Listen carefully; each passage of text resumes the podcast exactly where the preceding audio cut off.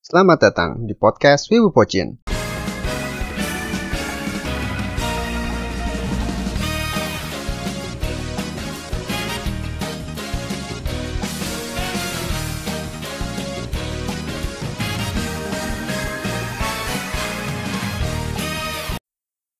One Piece chapter 995 dengan judul Sumpah Seorang Kunoichi. Five chapters to go menuju chapter 1000. Countdown dari um, IG dan Twitter One Piece Official mestinya akan menunjukkan gambar dari Sanji dengan angka 5 di medianya. Karena gue rekam ini sebelum official chapter keluar, jadi tentunya dari official account pun belum ada apa-apa ya gitu. Um, kita mulai dari cover page-nya dulu sesuai dugaan setelah side story Kapannya BG tamat diisi dengan request dari pembaca. Jadi um, kayak gue bilang kayak ya atau yang kayak kita lihat sekarang gitu kan ada request dari uh, bapak apa dari daerah mana dia minta tolong gambarin Luffy lagi belajar dong tapi males gitu uh, yang menarik dari cover page ini sebenarnya well benar-benar amat sih cuman bisa jadi um, reference yang menarik jadi uh, dua tup dua tupai yang mengganggu Luffy saat belajar itu mereka adalah The Risky Brothers, dua bersaudara yang menjadi zombie oleh Moria di Ark Thriller Bark dan kini telah berlayar bersama Lola dan juga tidak lama sebenarnya muncul di side story BG yang kemarin. Jadi um, tupai ini wujud zombinya uh, dua orang ini gitu. But well, so that's all sebenarnya. Kita akan masuk ke dalam chapter ya. Dibuka dengan Marco yang beradu dengan Big Mom. Karena Big Mom pengen cepat-cepat balik ke medan pertarungan untuk membantai kru topi jerami. Jadi um, Prometheusnya Big Mom merasakan sakit dari serangan Marco dan Marco juga yang ya jadi um, boy bliss gue apinya cukup unik nih sebenarnya. Dan well, he took damage. I mean, Prometheus took damage as well as Big Mom. Dan ini menurut gue uh, menarik karena selama ini kita cuma tahu kemampuan dari api birunya Marco dari Phoenix ini ya cuma untuk regenerasi gitu kan bisa bisa healing lagi gitu. Jadi um, cukup menarik kalau ternyata si kepala nanas ini memiliki teknik ofensif yang berasal dari api biru ini gitu. Dan benar-benar benar-benar uh, tepar si Prometheus nanti bisa kita lihat. Um, but meanwhile di pertarungan itu dengan haki yang lebih superior, Bigma mampu menggenggam leher dari Marco um, biar Peros dari jarak jauh bisa menghabisinya dengan panah permen yang dilapisi oleh haki. Kemampuan Boy bisa Peros memang versatile banget sih karena basically dia bisa bikin apa pun dengan uh, bikin bikin permen gitu kan. Jadi ya dia emang kuat sih sebenarnya. Cuman emang bukan commander level aja tapi ya untungnya uh, sebenarnya kita udah tahu kan kita udah lihat ini di chapter 992 di mana Carrot bersama Wanda sedang menuju tempat Marco berada dan akhirnya mereka tiba di saat yang tepat untuk menyelamatkan Marco sekaligus membalaskan dendam dari Pedro, si Mink Jaguar yang tewas di Ark Whole Cake Island saat bertarung dengan Prospero untuk melindungi Luffy dan kawan-kawan. Selain itu, kita juga akhirnya melihat wujud sulong dari Wanda sang mink uh, spesies anjing. Dan kalau karet kan kita udah lihat ya di Whole Cake Island. Dan uh, entah kenapa Big Mom kaget dengan kemunculan duo sulong ini um, entah apa karena dia dia kan memang tertarik dengan segala jenis uh, ras dan makhluk hidup di dunia One Piece ya kan dia koleksi atau atau ada alasan lain gitu. Tapi kayaknya dia tidak begitu tertarik karena setelah itu dia langsung kabur. Karena dia memanfaatkan kesempatan ini untuk kabur dari Marco gitu. So uh, dua hal mengenai ini. Yang pertama dia ninggalin anaknya, anak kandungnya untuk dihajar oleh dua atau bahkan tiga orang sekaligus dikeroyok, uh, yaitu sama Carrot, Wanda, dan mungkin Marco. Uh, cuma demi untuk memenuhi keinginannya sendiri untuk uh, yang mengincar kru topi jerami dan dan bergabung ke medan perang. Jadi uh, setelah dan setelah kita lihat Kaido yang melindungi Jack beberapa chapter lalu, ini lumayan berlawanan ya. Ah, bukan lumayan berlawanan sih, ini berlawanan banget gitu. Jadi uh, kocak aja sih kayak main ditinggalin aja sih si anaknya gitu kan. Um, dan dan yang hal kedua adalah uh, Big Mom bilang dia tidak bisa meladeni Marco karena tidak memiliki cukup jiwa atau souls. Apakah ini karena karena uh, Big Mom, kekuatan Big Mom itu uh, sebanding dengan jumlah soul yang bisa dia manfaatkan. Jadi kalau di Whole Island kan hampir semua apa namanya benda-benda mati itu udah jadi hidup semua kan jadi homiesnya Big Mom jadi di waktu yang dibutuhkan bisa tinggal diserap aja gitu kan biar dia jadi makin kuat. Nah apakah karena di Wano uh, tidak banyak soul yang bertebaran jadi dia kurang pede buat melawan Marco sampai sampai uh, sampai mati gitu? Atau gimana? Atau atau sesimpel karena uh, Zeus dan Prometheus lagi KO soalnya bisa dilihat kan di panel waktu Big Mom lagi kabur tuh Zeus sama Prometheus yang mata XX gitu kan lagi lagi lagi pingsan gitulah ceritanya. Uh, Prometheus karena Marco barusan dan Zeus karena dibelah sama uh, Brook Brook dan Frankie waktu itu. Atau apakah ada kemampuan lain dari Big Mom yang belum kita tahu gitu? Ya mestinya sih dia punya teknik ultimate ya dari buah suruh-suruh nominya. Cuman ya uh, pasti belum diliatin. Ya kayak boleh bisa bukan suruh-suruh Nomi deh. Tapi uh, sorry gue salah. Anyway uh, sini ini ditutup dengan sekumpulan orang yang kabur dari hall karena takut ketularan virus dari Queen.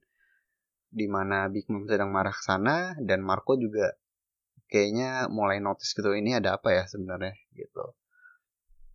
Dan dari sini nih dugaan gue untuk berikutnya, Marco uh, sementara akan melepas Big Mom karena dia akan membantu menangani virus uh, Ice Oni atau Ice Demon dari Queen. Karena jangan lupa Marco berprofesi sebagai dokter, ya kan? Karena dan dia juga punya kemampuan healing. Jadi ini sangat mungkin terjadi. Jadi um, ya Big Mom bakal lepas lagi sih untuk sementara. Di scene berikutnya um, melanjutkan permainan permainan gila dari Queen. Apo sedang diincar oleh si Isi Hall, pesta Onigashima. Apo yang tentunya tidak berniat untuk menyerahkan antibody itu siapa pun mulai melawan balik dan uh, ternyata si Drake muncul ya. Gue kira dia hilang di chapter sebelumnya karena nggak kelihatan sama sekali. Drake dan Zoro berhasil catch up. Tapi yang menarik adalah ternyata Apo bisa menahan dua supernova sekaligus Walaupun kita nggak tahu dia bisa berapa lama bertahannya. But still, I think that's impressive gitu.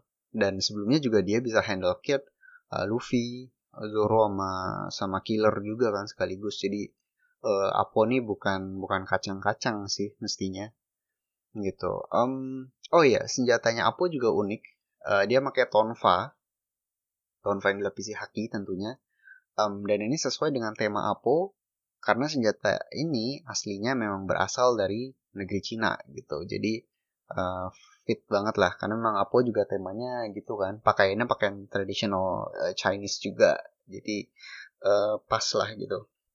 Uh, sementara itu Queen di di di lantai atas sedang menganalisa medan pertempuran dan membuat strategi yang cukup masuk akal mengingat sikapnya yang rada-rada selama ini yang yang kita tahu gitu ya.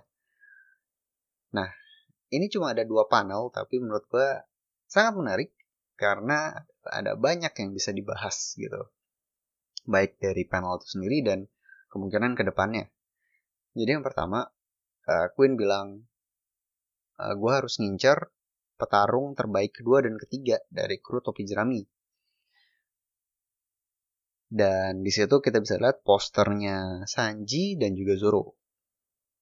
Jadi dia implying bahwa uh, pertarungan kedua dan ketiga terbaik adalah Sanji dan Zoro. Jadi yang pertama yang menarik adalah dia cuma menganalisa yang petarung kedua dan ketiga terbaik. Uh, dia skip yang pertama yaitu uh, Luffy kan, basically Luffy sebagai kapten yang paling kuat, bounty paling gede, dia skip karena dia akan menyerahkan si Luffy ini langsung pada Kaido. Jadi uh, ngerti lah maksudnya udah ngerti kalau Kaido tuh dia selalu mencari the, the strongest possible people. Jadi um, ada a certain kind of respect sih. Jadi kayak Luffy uh, biarkan di uh, urus sama kapten gue, sedangkan gue bakal urus yang di bawahnya gitu. So that's pretty cool. Yang kedua, balik lagi yang tentang uh, apakah Queen menilai kekuatan mereka semata-mata dari bounty posternya? Kalau iya, berarti uh, dia menganggap Sanji lebih kuat dari Zoro karena ingat bounty Sanji setelah Whole Cake Island adalah 330 juta berry, sedangkan Zoro bounty setelah Dressrosa adalah 320 juta. Jadi ini uh, waktu nanti mereka udah ada encounter kemungkinan bareng Zoro dan kemungkinan bareng King juga ini bakal jadi momen lawak yang menurut gue sih bakal kocak kocak banget kocak banget soalnya uh, kita kita udah tahu bahwa uh, King dan Queen itu berantem mulu sama seperti halnya Zoro dan Sanji. Jadi uh, menurut gue bakal ada momen di mana mereka bakal berantem sendiri dulu sebelum akhirnya um, settle dengan fakta bahwa oke okay, kita mesti ngelawan uh, apa namanya anak buah bos-bos dari anak buah Kaido nih gitu. Dan uh, gue ini sangat mungkin terjadi gitu. Soalnya kan kayak misalkan Queen bilang um, hey you the second strongest fighter. Terus Zoro kira Zoro kan terus Sanji juga nggak mau kalah. Terus tiba Queen bilang nggak nggak bukan lu. Ini nih Sanji si anak Kevin Smoke gitu. Jadi kayak itu menurut gue bakal kocak banget. Dan Zoro sendiri pasti bakal kesel banget kan. Jadi uh, tapi Sanji juga bakal kesel karena uh, apa Queen mention tentang Vince Smoke. Kan dia nggak sudi ya di diasosiasikan dengan keluarganya itu. Jadi menurut gue sih bakal lucu banget um, hal berikutnya Jinbei nggak diperhitungkan karena dia baru banget join topi jerami, jadi kemungkinan Queen belum tahu mengenai hal ini. Dan entah kenapa, karena match up yang makin terbentuk di kepala gue ini ya, menurut gue uh, Jinbei nantinya akan lawan Big Mom. Jadi uh, menurut gue udah cocok banget sih, karena memang Jinbei kuat banget dan dia adalah dia ada masalah juga kan sama Big Mom karena mereka mantan kru atau lebih tepatnya mantan aliansi gitu.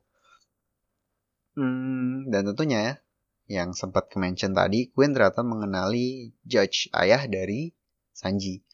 Um, semoga nanti akan ada flashback atau penjelasan yang menarik, karena um, ya tapi yang jelas uh, karena mereka sama-sama mad scientist kan, uh, jadi nggak heran kalau mereka pernah kerja bareng di masa lalu.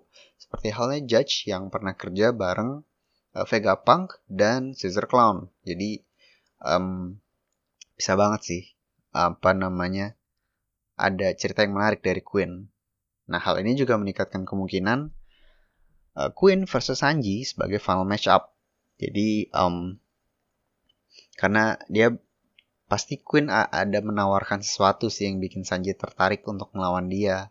Cerita tentang uh, Vince Smoke secara uh, atau Germa Kingdom secara overall atau tentang ayahnya. Jadi menurut gue Queen versus Sanji dan King versus Zoro sangat-sangat atau itu makin mungkin terjadi.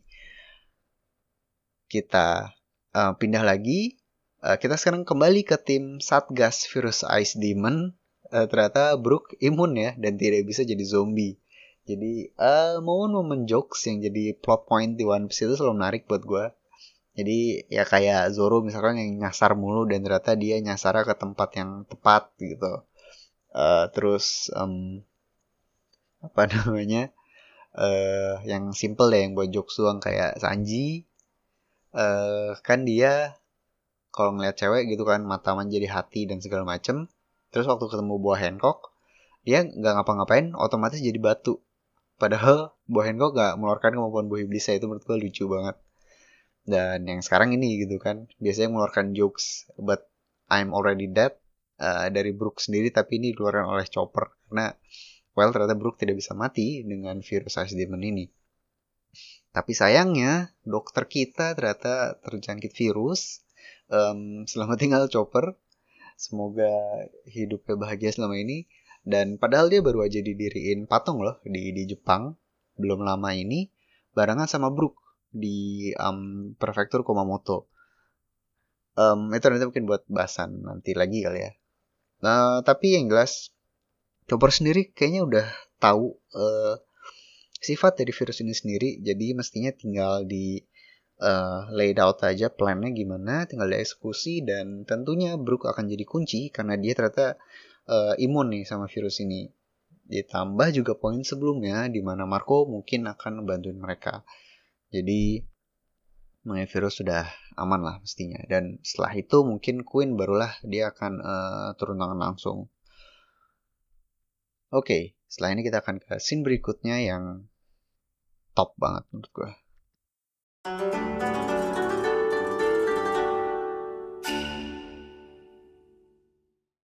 Akhirnya kita melihat uh, 2v2, 2 versus 2 antara Usopp Nami dengan ulti page 1. Uh, di awal-awal terkesan duo penakut ini bisa memberikan perlawanan uh, dan harapan gue juga gitu kan karena bakal jadi fight yang menarik tapi ternyata um, terlihat dari bahwa ternyata dia cuma akal-akalan ulti aja biar diselamatkan oleh sang adik kesayangan waktu serangan pertamanya Usopp kan yang um, Devil Something karena juga serangan Usopp berikutnya ternyata cuma ditepis oleh satu lengan yang ulti. Dan ternyata keadaan Nami menunjukkan bahwa mereka sebenarnya diambang kekalahan gitu. Uh, Usopp disundul lagi dan dia bahkan bilang kayak jangan jangan sundul gua lagi. Nami juga bilang hal yang sama berarti udah udah udah parah banget lah dibully-bully sama dua dinosaurus ini. Dan well to be fair, gaya bertarung mereka memang gak cocok kalau ngelawan petarung jarak dekat um, basically karena senjata yang mereka miliki kan. Uh, Kabuto-nya Usopp dan Prime Attack-nya Nami itu lebih cocok buat mid range atau long range kan. Uh, ya ditambah lagi mereka juga nggak punya durability untuk uh, bertarung jarak dekat buat pukul-pukulan gitu kan. Um, oh ya ditambah juga Zeus uh, lagi balik ke Big Mom. Jadi yang jelas secara ofensif sangat sangat nggak cocok lah. Jadi ini chapter yang menyedihkan bagi trio penakut gitu kan. Karena setelah Chopper yang terkena virus, sekarang mereka berdua babak belur. Jadi um, press F to pay respects to uh, those two. Dan uh, di sini juga ada sebuah callback yang menarik ditunjukkan Oda lewat uh, gambar panel X-ray tengkorak Usopp. Tengkorak Usopp yang retak gitu kan habis disundul sama ulti. Kalau kalian ingat, panel yang sama persis pernah digambar, ditunjukkan di arc uh, Alabasta waktu Usopp dan Chopper bertarung melawan Miss uh, Merry Christmas si tikus tanah dan dan Mr. Four si pemain baseball itu. Sama si anjingnya juga. Yang yang makan buah iblis mesin mesin bola baseball. Kalau nggak salah gitu sih. Um, anyway uh, Usop dan Nami babak belur uh, disundul-sundul terus dan Ulti marah karena uh, dia nggak suka kan Luffy mendeklarasikan bahwa dia akan jadi raja bajak laut instead of Kaido kaptennya dan dia minta Nami untuk menarik kata-kata dari kaptennya itu gitu. Nah, sekarang kita coba ambil momen sejenak untuk melihat kondisi Nami sekarang yang bisa dibilang paling kritis sejak dulu banget Ark Alabasta waktu dia melawan Miss uh, Double Finger. Waktu melawan Khalifa di Enies Lobby pun nggak sampai separah ini. Waktu di Whole Cake Island pun um, walaupun cukup luka-luka parah tapi dia nggak berada dalam kondisi um, near death experience kayak gini kan. Kita juga tahu kalau berbohong dan menipu ini sudah bagaikan udah udah kayak mengalir dengan alami aja lah di darah wanita ini gitu kan dengan sifat mata duitannya dan um, apa apa duit apa apa uh, dan pragmatis banget gitu kan. Tapi apa yang dilakukan? Ternyata dia mengorbankan dirinya untuk menjaga kehormatan sang kapten. Tangisannya adalah bukti kalau dia dia tetap gak mau mati gitu kan. Dan dia tahu bahwa kalau dia bilang ini dia akan mati setelah di, disundul lagi sama ulti tapi di saat yang bersamaan dia tidak bisa berbohong dia tidak bisa mengatakan hal yang berlawanan dengan apa yang dia percayai. And that to me is what you call a proper character development. Menurut gue ini keren banget. Dan uh, kayak di di forum-forum di fanbase pun sebenarnya banyak bilang kayak ah namanya cuma fans fan service uh, tete gede doang bla bla bla. But well I think ini membuktikan bahwa Oda masih uh, peduli dan lebih tepatnya dia telah uh, menulis karakternya dengan sangat baik. Apalagi karena Nami uh, bisa bilang the OG crew uh, kru utama yang udah join sejak East Blue kan sebelum ke Grand Line. Bersama Zoro, Sanji dan dan Usopp gitu. Jadi um, this is very very good dan uh, mungkin dibanding deklarasi kru yang lain menurut gue ini salah satu yang paling bagus sih. Paling bagus malah menurut gue um, setelah mungkin bentuk dedikasi yang yang menurut gue mendekati ya atau sama bagusnya itu waktu Zoro kan. Zoro waktu di um, Thriller Bark sama Kuma. Well, um, so that's what happened. And anyway, Nami sebentar lagi akan disundul dan mati ketika Tama Tama datang dan menyelamatkannya bersama si singa Komachio. Jadi inilah dia uh, siluet misterius yang terlihat uh, nguntilin kudu topi jerami di chapter 979. Akhirnya kita tahu itu adalah Tama dan Komachio. Um, kemungkinan uh, mereka ngikut di salah satu kapal mungkin karena ya kalau nggak nggak nggak tahu lagi gimana cara bisa nyampe ke sana mereka uh, nyelinap dan ya akhirnya mereka tiba di saat yang tepat. Tapi mereka cuma berdua doang. Um, ada karakter lain dan well semua karakter penting sebenarnya udah ada di Onigashima. Jadi sebenarnya kehadiran Tama nih uh, apa yang bisa dia tawarkan gitu kan. Jadi seperti yang kita tahu uh, Tama memiliki buah iblis yang dapat menjinakkan hewan buas dan menuruti dirinya dengan menciptakan kue dango yang dihasilkan dari cubitan cubitan pipinya. Ternyata kemampuan ini lebih berguna dari yang uh, kita awalnya pikirkan karena ternyata punya efek juga terhadap para pengguna smile kan. Dia bisa waktu itu yang kuda jadi nurut sama dia terus uh, kepala sipir penjaranya Udon jadi nurut sama dia juga kan makanya bisa ngebohongin si Queen waktu itu dan itu udah efek yang sangat bagus sih menurut gua. Uh, it turned out to be powerful and the perfect counter to Kaido's smile users. Tapi ya kita belum tahu ya apakah bakal ada efeknya kalau dipakai kepada uh, pengguna buah iblis Zoan murni. Uh, oh yang ngomong kue danggonya harus di di apa namanya disuapin dulu ke si target barulah dia nurut gitu uh, anyway tapi kalau bisa ini akan sangat sangat membantu uh, Nami dan Usopp dan tentunya seluruh samurai di Onigashima jadi uh, ini menurut gue sang, memang sengaja banget sih dari dari Oda karena uh, faktor yang paling penting di sini sebenarnya adalah Usopp. Karena di sini kan Tama muncul menyelamatkan Nami dan Usopp. Jadi uh, Usopp ini kita tahu dia punya kemampuan sniper yang sangat jitu, dia bisa nembak dari sangat jauh, target apa pun bisa dia hit.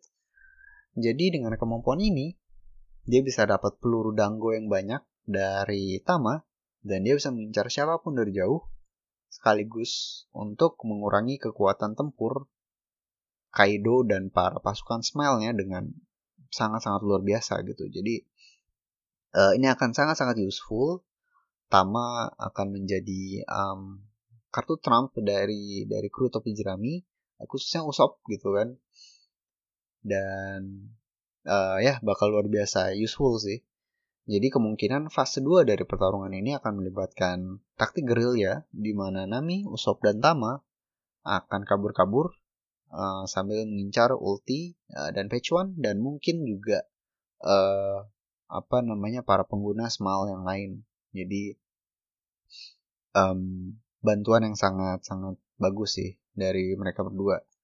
Cuman ya kalau misalkan ternyata kemampuan Tama nggak nggak ngefek sama yang menggunakan buah iblis Zoan murni, um, mereka butuh bantuan lain sih karena udah udah parah banget lah. Belum apa apa udah langsung sekarat soalnya. Jadi ya semoga mereka bisa bertahan gitu. So, uh, what's next? Chapter 996 uh, nggak ada break, jadi mestinya dalam waktu seminggu kita bisa baca chapter yang baru. Uh, no issue, no no delay, dan ya mestinya kita on track ya buat chapter 1000 di tahun ini. Tapi enggak sih kalau Desember ada break lagi kayaknya enggak. But anyway, 996 uh, kita masih belum lihat Lau, kita masih belum lihat Kit. Kita oh di chapter ini kita juga belum kita juga nggak mampir ke duelnya Kaido dan Azakaya Nine. Jadi um, masih banyak banget sih yang terjadi. Uh, Luffy juga belum liatin. Oh Yamato apalagi. Mungkin next chapter Yamato lagi kali ya. Gitu. Uh, atau ini sih Frankie kita belum lihat Frankie. Uh, kalau Oda mau muter-muter dulu menurut gue bakal ngatin Frankie dulu kayaknya sih tahu ya itu tadi uh, Lau dan Kit dan lain-lain. So ya, yeah, terima kasih sudah mendengarkan. Ini adalah review dari One Piece chapter 995.